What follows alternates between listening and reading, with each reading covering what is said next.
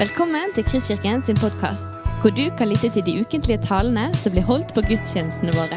Vi håper denne podkasten vil inspirere og utfordre deg til å kjenne Gud, elske mennesker og tjene vår verden.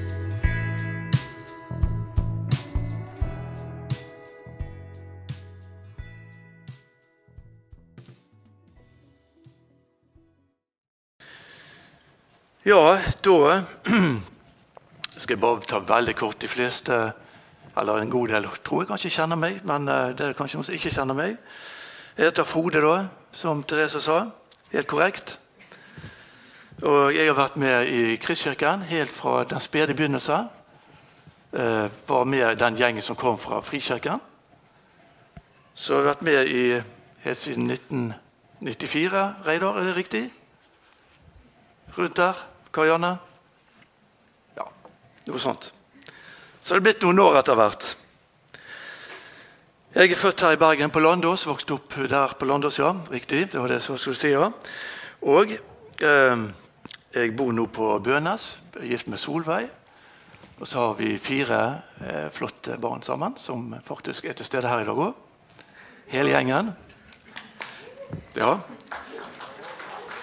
Jeg vet ikke om det er pluss eller minus, men ja, ja. Og jeg har nettopp blitt 60, så nå begynner eh, Så gammel har jeg ikke vært før. Så. Så. Men dette er ikke så viktig. Det er nå bare sånn. I dag så er overskriften eller temaet som er gitt meg, 'Jesus, penger og sann rikdom'. er det som er headingen. Og Teksten den er hentet fra Markus 10, 17-31. Og Den er nok kjent mer som historien om den unge, rike mannen. Så det er en utfordrende tekst, syns jeg. Den gir mye ettertanke, litt spørsmål. Og kanskje den gir litt mye ransakelse også til hver av oss. Iallfall har jeg opplevd det, og ikke minst nå når jeg arbeidet med teksten. Jeg tenkte jeg kommer ikke til å oppgi alle skriftstedene som henvises til. Det blir så masse teknisk sånn, på en måte. Kan heller, Hvis noen er interessert i å vite hvor det skriftstedene var fra, så kan vi heller snakkes etterpå. For det blir litt mye sånn. Uh,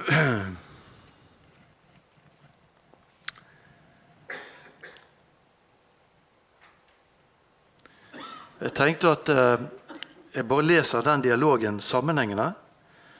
Nei, ikke sammenhengende. Sånn at vi uh, får setning for setning. Uh, det er mannen som henvender seg til Jesus, og Jesus svarer. Og Mannen stiller et nytt spørsmål igjen, og Jesus svarer. Og Så tar vi bare dialogen derfra. Denne Fortellingen går også igjen i alle de synoptiske evangeliene. Matteus, Markus og Lukas. Det er der du finner denne historien, med litt andre nyanser. Og Det er også litt nyanser ettersom hvilken versjon du har av, av, av Bibelen. da. Så enkelte, enkelte, små ord kan være litt nyansert. da. Men jeg begynner nå, og så sier vi det at uh, Går vi rett på sak der, da? Vi kan for bare nevne at I Matteus omtales han som ung og rik. Og Lukas skriver at han var medlem av det jødiske råd. Så han har nok vært uh, velstående og kanskje jødisk tradisjon blitt sett på som velsignet og, og eh, av beundring, kanskje. Mens Markus omtaler han kun som en mann som kom løpende til Jesus. Så litt forskjellig vinkling. Da Jesus skulle dra videre, kom det en mann løpende. Falt på kne for ham og spurte. Gode mester, hva skal jeg gjøre for å arve evig liv? Vi ser jo det at han kommer løpende. Så han må jo ha hatt det litt travelt, da, tenker jeg. Uh, han må også ha visst at Jesus jeg tenker, jeg tenker Han må ha hørt om Jesus for å komme løpende og slenge seg ned.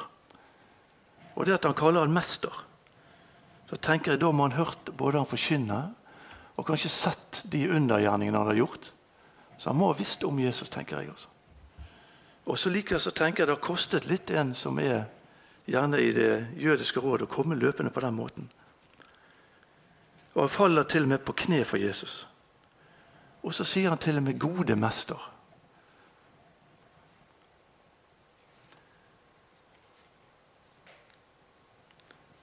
Så det ser ikke ut som han bryr seg om hva andre tenker rundt han.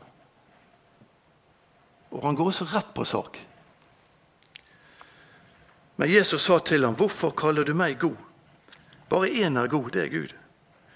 Du kjenner budene. Du skal ikke slå i hjel, du skal ikke bryte ekteskapet. Du skal ikke stjele, du skal ikke vitne falsk. falskt. Du skal ikke bedra noen. Du skal hedre din far og din mor. Eh, I Matteus står det også at du skal elske din neste som deg selv. Så den har liten forskjell her. Her ser vi at Jesus ærer sin far i himmelen og slår fast at det kun er Gud Fader som er god. Og så Samtidig så påpeker han seks av budene som skal holdes. Men denne unge mannen han svarer Mest av alt dette har jeg holdt fra jeg var ung. hadde jeg tenkte Det er litt av en påstand, altså. Hvis du hadde fått det spørsmålet, hadde du sagt om hånden på hjertet alt dette har jeg holdt.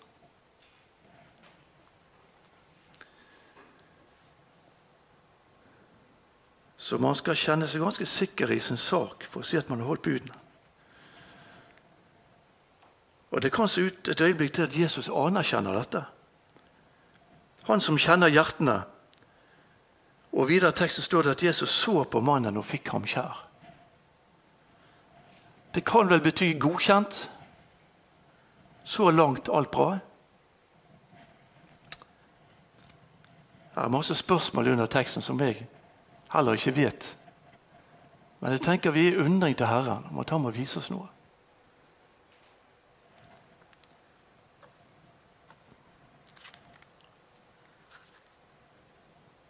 Og Da sier det, står det videre at Jesus så på ham og fikk ham kjær og sa én ting mangler deg. Gå bort og selg det du eier, og gi alt til de fattige. Da skal du få en skatt i himmelen. Kom så og følg meg. I uh, Matteus så står det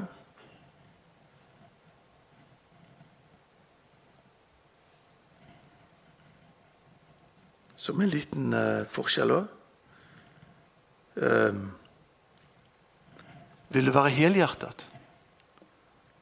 Det er litt forskjellig etter som oversettelsen er. Men vil du være helhjertet, gå der bort og selg det du eier.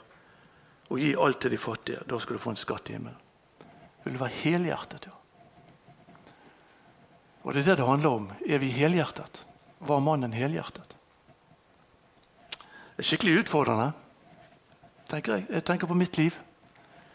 Hvordan du lever, hva man prioriterer, hva man, hvor har man hjertet sitt. Men én ting er sikkert Gud elsker helhjertethet. Han eh, elsker helhjertethet. Han elsker varme og helhjertethet. Og han misliker halvhjertethet og lunkenhet. Det, det, tror jeg kan slå helt fast. At det er helt sikkert.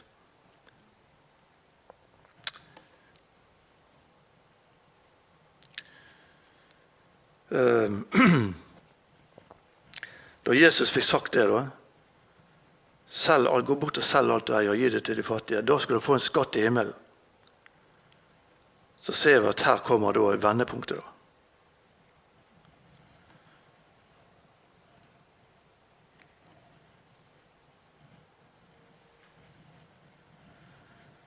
Dette med helhjertethet og halvhjertethet det er jo sånn at til og med vi som er syndige mennesker, vi også ønsker jo helhjertethet og ekthet blant de rundt oss og i oss selv.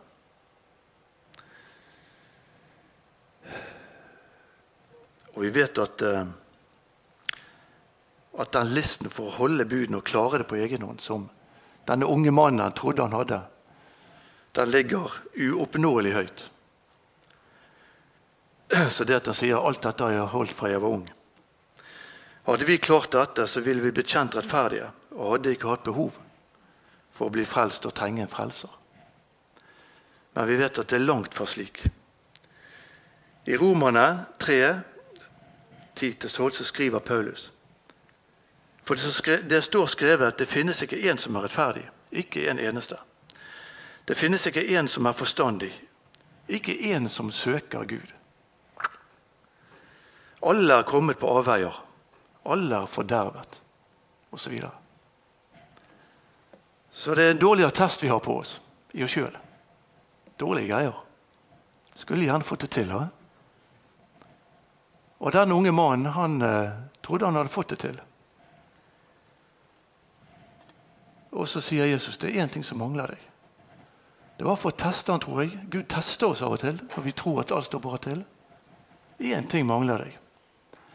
Jeg lurer litt på hva den unge mannen hadde tenkt når han fikk den beskjeden. En ting, Hva er det nå som gjenstår? Og så kom det kanskje det verste han kunne høre. Gå bort og Selg alt du eier, og gi det til de fattige. Boing! Der tror jeg teppet gikk ned. altså. Det tror jeg han hadde gjort for noen og enhver. Altså. Av og til har jeg lurt på hva skjedde med han mannen. For det står det, men han ble nedslått over dette svaret og gikk bedrøvet bort, for han var svært rik. Jeg tenker Hvis jeg hadde fått samme beskjeden Kanskje vi har fått den en gang iblant, bare vi har skjøvet den litt vekk. Men hva hadde vi gjort? Hva ville min reaksjon vært hvis jeg var i hans sted? Det er litt tøft, denne også.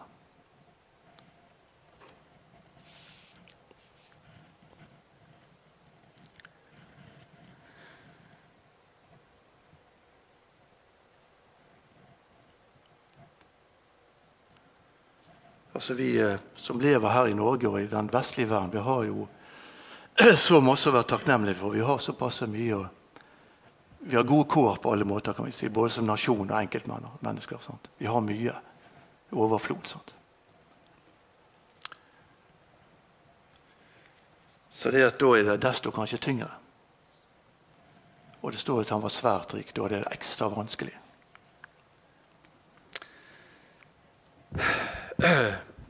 Det er det med helhjertethet igjen. Og I femte Mosebok står det du skal ikke ha andre guder enn meg. Igjen står det Hør, Israel, Herren er vår Gud, Herren er én. Du skal elske Herren din Gud av hele ditt hjerte og all din sjel og all din makt. Det er en høylist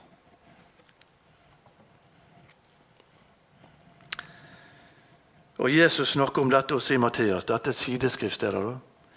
Dere skal ikke samle skatter på jorden hvor møll og mark ødelegger, og hvor tyver bryter inn og stjeler, men dere skal samle skatter i himmelen, der verken møll eller mark ødelegger og tyver ikke bryter inn og stjeler. For hvor din skatt er, der vil også ditt hjerte være. Så står det litt lenger nede. Ingen kan tjene to herrer. Han vil hate den ene og elske den andre. Eller holde seg til den ene og forakte den andre. Dere kan ikke tjene både Gud og mammon.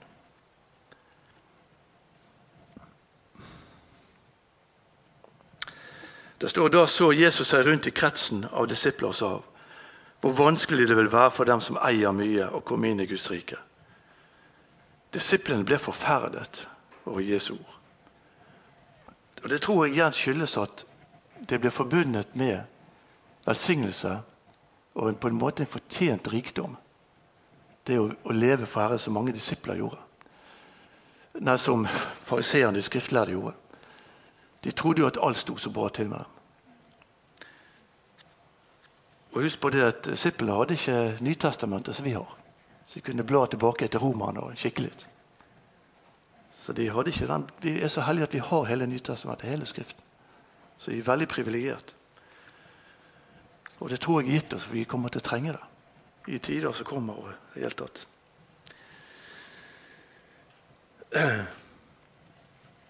Men han sa igjen, barn, hvor vanskelig det er for den som stoler på sin rikdom, å komme inn i Guds rike.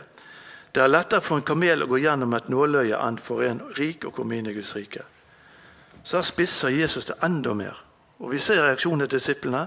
Da ble de enda mer forskrekket og sa til hverandre Hvem kan da bli frelst? Heldigvis, får jeg si. Heldigvis.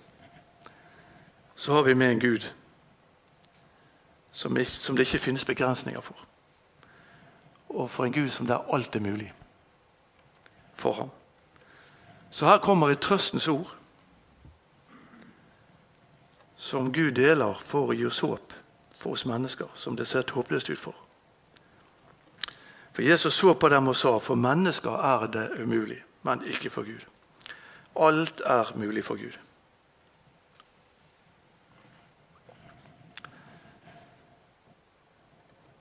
Og Jeg har av og til tenkt hvis, hvis han unge rike mannen hadde sagt ja, jeg er villig til å, selge alt det jeg eier. Han ville gått med på tilbudet. Hva hadde skjedd da? Hadde Jesus sagt det Dette sa jeg bare for å teste deg. Jeg ser du har hjertet med. Du trenger ikke selge alt, du. Du trenger ikke ta dette på alvor. Vi får jo aldri vite det, da. Men jeg har tenkt mange ganger over det. Det ville jo blitt en prosess uansett. Han måtte bearbeidet det. Han måtte gått hjem og bestemt seg for hvordan han skulle gjøre dette. Det, sant? det er jo ikke bare å hente frem varene, tingene. Men jeg har tenkt mange ganger på det. Hadde Jesus sagt det, Ei, stopp, kom tilbake, nå ser jeg. Du har hjertet med deg. Det får vi dessverre aldri vite. Eller kanskje heldigvis, ikke vet jeg. Men vi vet det at uh, Gud tester oss på mange forskjellige måter.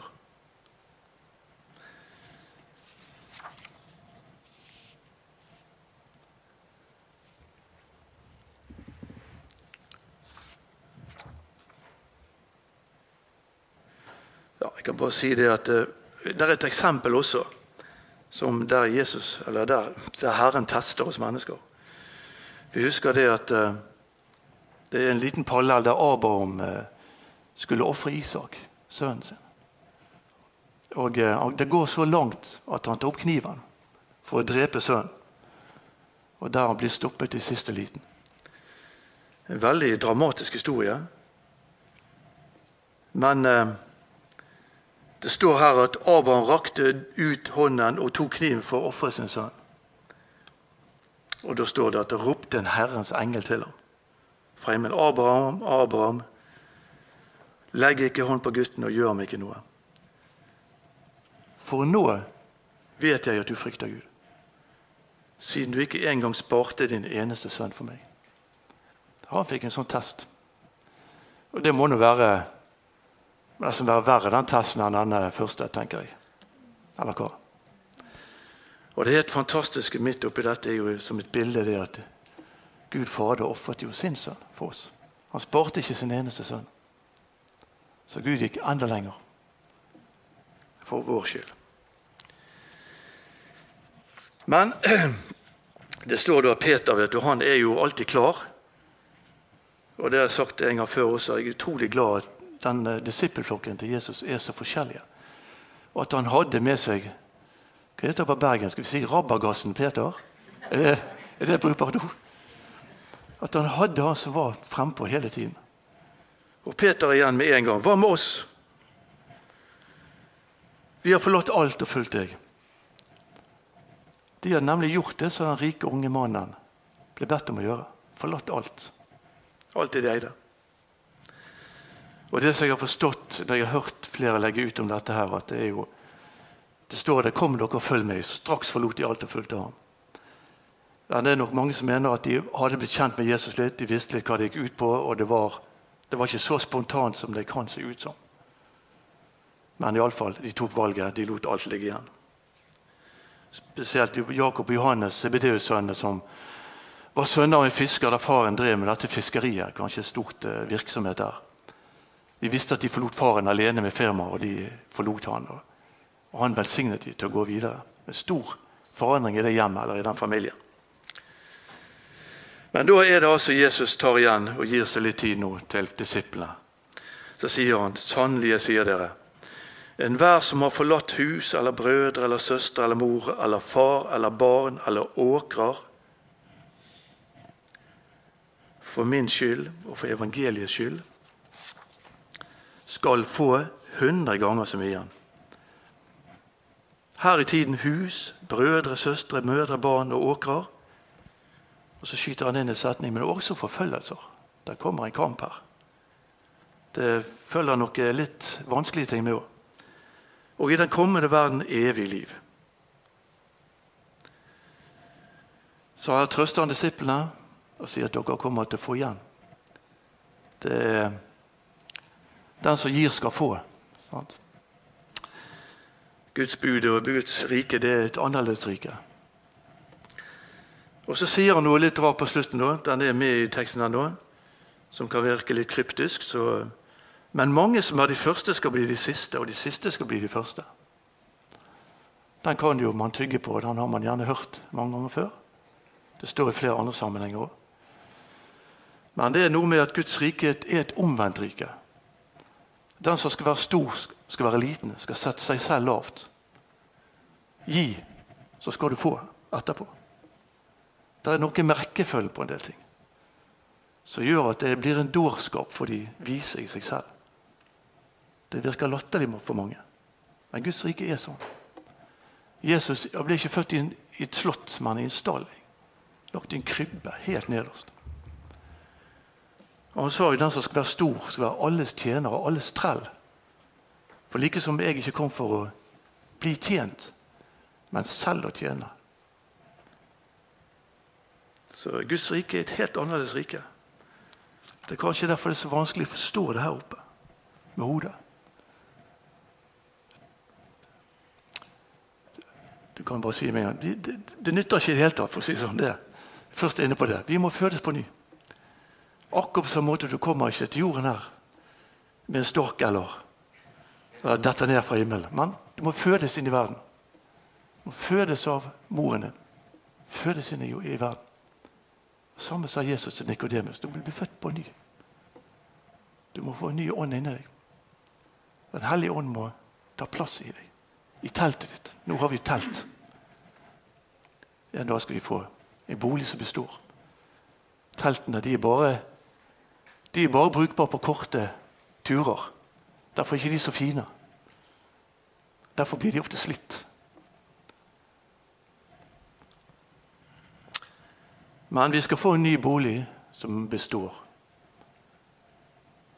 Det er godt å vite. Så kan det komme litt rynker her og der. Det er ikke så farlig likevel. Kan det dette av litt hår her og der.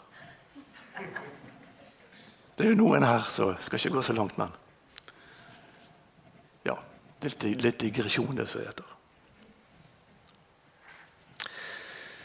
Det er masse henvisninger til Skriften med dette med sann rikdom.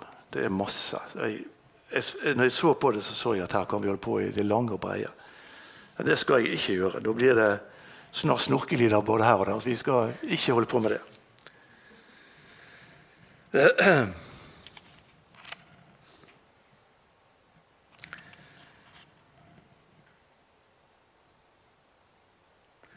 Ja, så har jeg sagt liksom litt til slutt nå at eh, hva er det som har stor verdi for oss? da? Hva er, hva er så viktig? Hva er sann rikdom, da? Alle vi skjønner jo det at uh, alt det med den velstand vi har nå, det, det, er godt å ha. Vi er velsignet. Vi må ikke si det, vi er velsignet. Men det er det, du får ikke noe med deg. Det er forbigående alt sammen. Det må legges igjen. Men Jesus sier den som følger ham, skal få en skatt i himmelen. For han sier der hjertet ditt er. Der din skatt er, der vil ditt hjerte være. Sånn han sier. Og Da kan jeg også lese litt fra Markus. Jeg bare tar den iallfall. Så kalte han til seg folkemengden og disiplene og sa til dem.: Den som vil følge etter meg, må fornekte seg selv og ta seg kors opp og følge meg. For den som vil berge sitt liv, skal miste det. Men den som mister sitt liv for min skyld og for evangeliets skyld, han skal berge det. Så kommer den setningen som jeg forsøkte å sitere. Jeg ikke klarte å sitere riktig, men nå tar vi den en gang til. Hva gagner det et menneske om man vinner hele verden, men taper sin sjel? Eller hva kan et menneske gi til vederlag for sin sjel? Jesus snakker også i Matteus litt dette med de to herrene.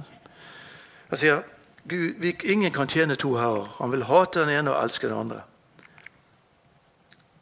Eller holde seg til den ene og frakte den andre. Dere kan ikke tjene både Gud og mammon. Da tror jeg faktisk jeg husker at jeg sa i sted, men det er greit. En reprise på den. Det står også et par andre betraktninger der Jesus så når menneskene lå mynter i tempelkisten. For Der står det litt om at eh, det står at han så opp og fikk se de rike la sine gaver i tempelkisten. Det står en plass at mange, noen ga masse, ga store deler. Men da la han merke til en fattig enke som la to småmynter. Og han sa, 'Sannelig, sier dere, denne enken har gitt mer enn noen av de andre.'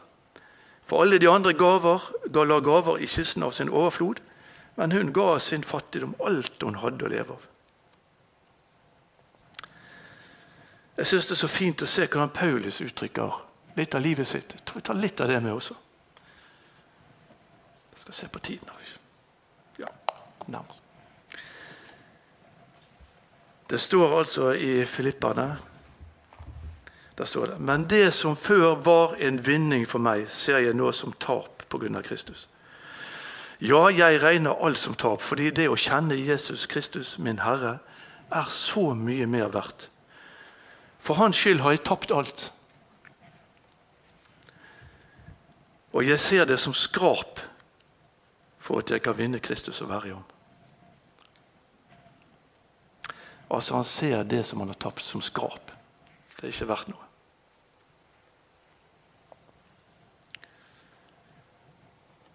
Jeg tenkte også å lese litt om Paulus her, i andre kor. Og Der sier han litt om rikdommen i hans liv. I alt søker vi å vise oss som Guds tjenere med tålmodighet i vanskeligheter, nød og angst. Under slag, fangenskap og opptøyer. Litt av et liv han hadde, han der Paulus. altså. I hardt arbeid, nattevåk og sult. Nattevåk den kjenner jeg litt til. Fordi at jeg sliter også med å sove for tiden. Fordi at når jeg jobber om nettene, så må jeg sove om dagen. Og når jeg da endelig er fri, så er det jo natt igjen. Og da, Så den der nattevåk, den kan jeg si, den er ikke å spøke med. Det er nok likevel barnemat mot det han holdt på med. Vi går fram med renhet og visdom, med overbærenhet og godhet i Den hellige ånd. Med kjærlighet uten svik, med sannhetsord og i Guds kraft. Med rettferdsvåpen til angrep og til forsvar. I ære og vanære baktalt og hedret. Ingen dans på roser her. altså. Det sier vi leder folk vil, men vi taler sant. Vi er ukjent, men kjent av alle.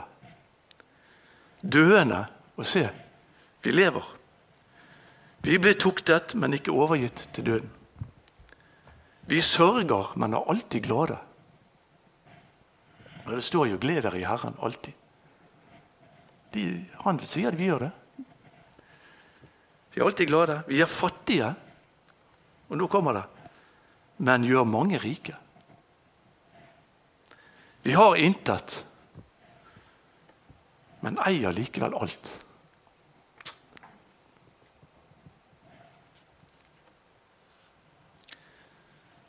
Så det går an å se på det litt annerledes. Det går an å ha det så vanskelig som det er mulig å tenke seg, og likevel være rik rik i Herren.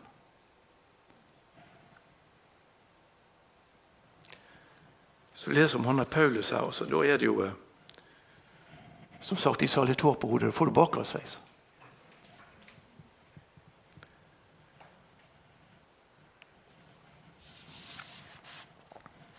Jeg er straks ferdig.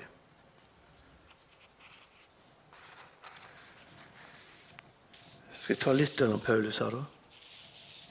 Det er så masse. Jeg kan ta det ene her. Så.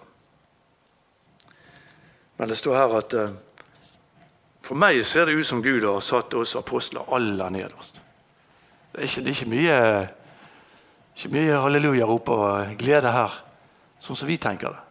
Det er hardt arbeid her. Vi er blitt som dødsdømte. Et, er blitt et skuespill for verden. Både for engler og mennesker. Vi er de uforstandige for Kristus skyld, men dere, altså de oppe i, i Korint, dere er de kloke kristne. Vi er svake. Dere er sterke. Dere er ansatt, vi blir foraktet. Til denne dag har vi måttet tåle sult og tørst, mangle klær, bli mishandlet, vi drar hjemløse fra sted til sted. Og vi strever for å livberge oss med det arbeidet vi gjør med våre hender. Vi velsigner når vi blir utskjelt, tåler det når vi blir forfulgt, og svarer med vennlighet når vi blir hånet. Vi har blitt som utskudd i verden. Som avfall for alle. Det er saftige greier. Vi er alltid presset, men ikke knekket. Vi er tvilrådige, men ikke fortvilet. Forfulgt, men ikke forlatt. Slått ned, men ikke slått ut. Vi bærer alltid Jesu død på vår egen kropp, for at også Jesu liv skal bli synlig ved den. For enda mens vi lever, blir vi stadig overgitt til døden for Jesus skyld, for at også Jesu liv skal bli synlig ved vår dødelige kropp. Slik er døden virksom i oss, men livet i dere. Peter og Johannes de eh, så en en som satt ved fagerporten, og han eh, ba om almisser. Han hadde sikkert sittet der stadig vekk. Men han henvender seg til de og ber om å få noe almisser. Og eh, det står Da han så Peter og Johannes på vei inn, ba han om en almisse. De så fast på ham, og Peter igjen, Peter frempå her, sa 'se på oss'. Han gjorde det og håpet de ville gi ham noe. Så jeg tenker han, han sto klar.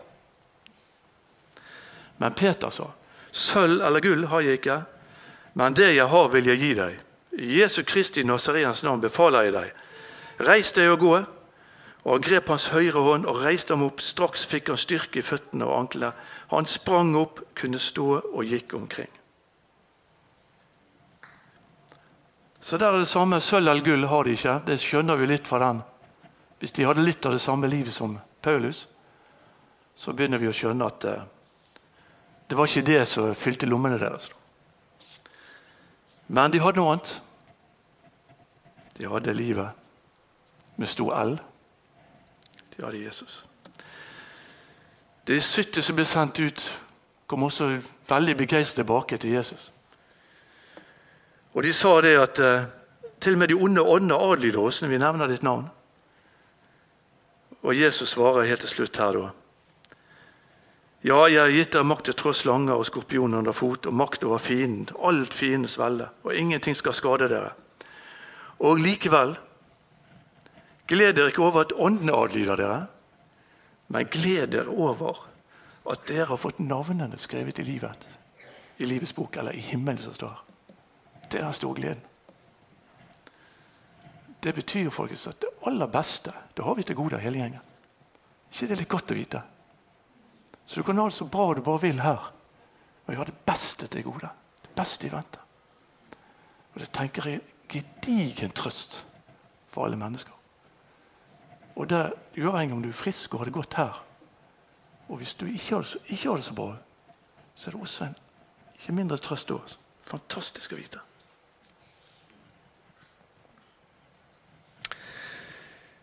Ja, da skal vi si, eh, den, Når han eh, unge mannen kom til Jesus, står det en plass. Hva skal jeg gjøre for å arve evig liv? Det står en plass, det er kanskje litt eldre oversettelser. Og arve er det en som du ikke kan gjøre noe med. Er du barn, så er du arving. Så den rike unge mannen er litt selvmotsigelse. faktisk. Hva kan jeg gjøre for å arve? Hva gjorde jeg for å arve med mor og far da? Nothing. Da de en dag var ferdig her, gikk videre, så ble vi arvinger. Meg og min søster. Vi er bare to søsken. Så den som er barn, han eller hun, er arving. Og Det er jo så fint å si, det er så bra å se, for det står vi er arvinger, Kristi medarvinger. Skal jeg lese den også?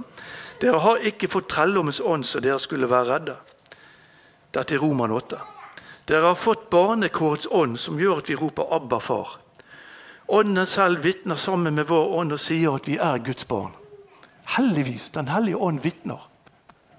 Sånn at vi får, er overbevist om at vi er Guds barn. Som sagt, de er også født på ny, fått ånden. Da har vi Den hellige ånd med oss. Han bor i oss. Lege med tempelet for Den hellige ånd. Men så sier han noe fantastisk. Men er vi barn, da er vi også arvinger. Vi er Guds arvinger og Kristi medarvinger. Så sant vi lider med ham, så skal vi også få del i herligheten sammen med ham.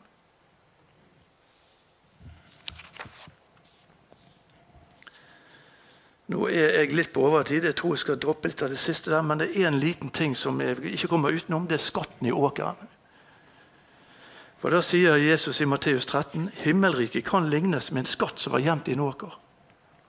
En mann fant den, dekket den til igjen, og i sin glede gikk han bort, og, som den unge mannen skulle ha gjort. Solgte alt han eide. Men han kjøpte åkeren. Sikret seg. Jeg ser det for meg. Han graver og kanskje roter etter noen poteter. jeg vet ikke hva han roter etter, men. Og så der ligger en fantastisk skatt. Han har funnet, han vet. Blir den skatten min, da Da blir det bra. Så han ofrer alt annet han har for å sikre seg skatten. Og Sånn er det Jesus sier at Guds rike det evige liv. Det er en skatt som kanskje krever at vi må tenke på det som en utrolig dyrebar skatt. Altså. Hmm. Det står noe greier til menigheten i Smyrna og Laudikea at de tror Smyrna står det 'Jeg vet om det du har gjennomgått, og vet at du er fattig, men likevel rik'. I Laudikea står det 'Jeg er rik, sier du, jeg har overflod og mangler ingenting'. Men du vet ikke at nettopp du er elendig og ynkelig, blind og fattig og naken. Så her går det an å tro at man har mye, har alt, og så har man det ikke. Eller motsatt.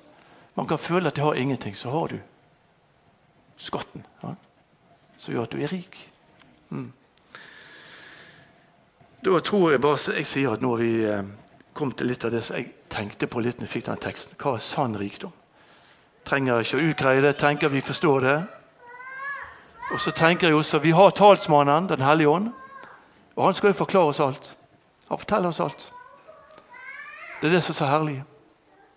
Sannhetens ånd. Han vet alt. Han bor her i oss.